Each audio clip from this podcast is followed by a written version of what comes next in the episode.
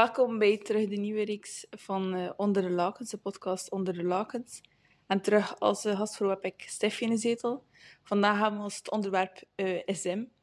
Wat is eigenlijk SM nu? Is, de meeste mensen hebben zelfs schrik als ze het woord alleen al horen, SM.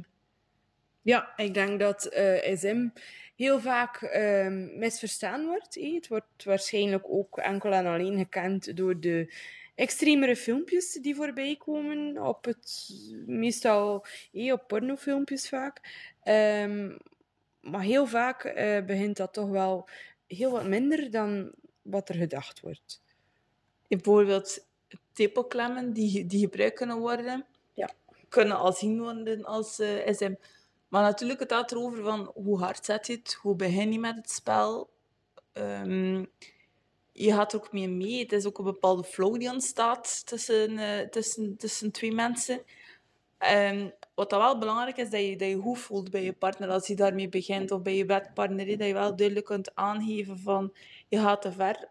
Praat er dan ook gerust over met elkaar. Vooral wat ik aanraad is gebruik codewoord.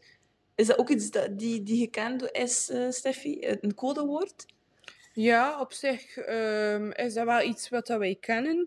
Um, maar dat is bij ons heel simpel. Dat is bij ons uh, niet banaan of dergelijke. Bij ons is dat gewoon, het is genoeg. En dan menen wij dat ook. Um, maar ik denk dat de grootste misvatting in het hele SM-gebeuren is dat SM gelijk staat aan pijn. en op zich is dat geen waar. SM is meer dan of minder dan eigenlijk, uh, die pijn. Ja, het is niet enkel de pijn, want het is eigenlijk gewoon doordat je huid gevoeliger wordt, door die, die, die, die pijn, als je het zo kan noemen, wordt je lichaam aangescherpt en, en krijg je natuurlijk een, een intens gevoel.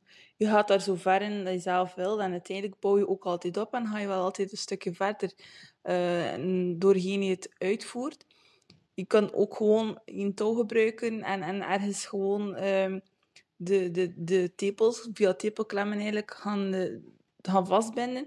Ja, je hebt zoveel verschillende soorten. Het is vooral experimenteren wat je leuk vindt en niet leuk vindt, natuurlijk. Hè. Ja, ik denk ook aan, ik denk misschien wel de simpelste manier van SM. Eh, het gebruik van handboeien en iemand vast gaan boeien, aan het bed of dergelijke. Uh, maar ik denk ook aan de zweepjes die in allerlei formaten en uh, materie hebt.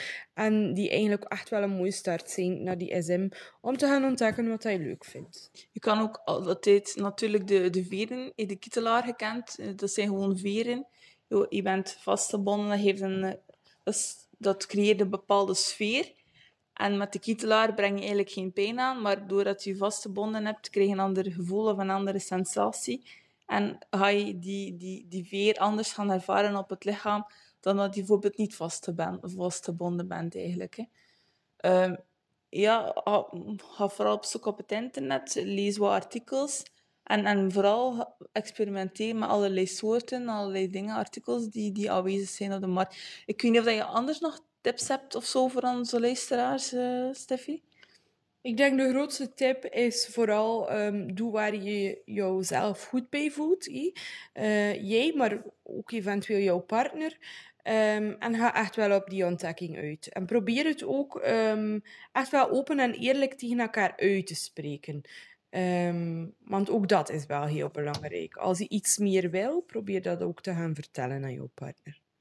En vooral bij het start van het spel kan je natuurlijk een aantal artikelen klaarleggen die je vooraf hebt afgesproken dat je wil gebruiken tijdens het spel. Zo is er een eerlijke communicatie langs beide zijden en weet je ook wat er op je afkomt als je bijvoorbeeld geblind ook bent, want jullie hebben het samen klaargelegd eigenlijk. Hè. Dus wat we vooral hieruit kunnen besluiten is eigenlijk dat het niet altijd om pijn draait in ESM. Het gaat over die andere sfeer dat je gaat creëren.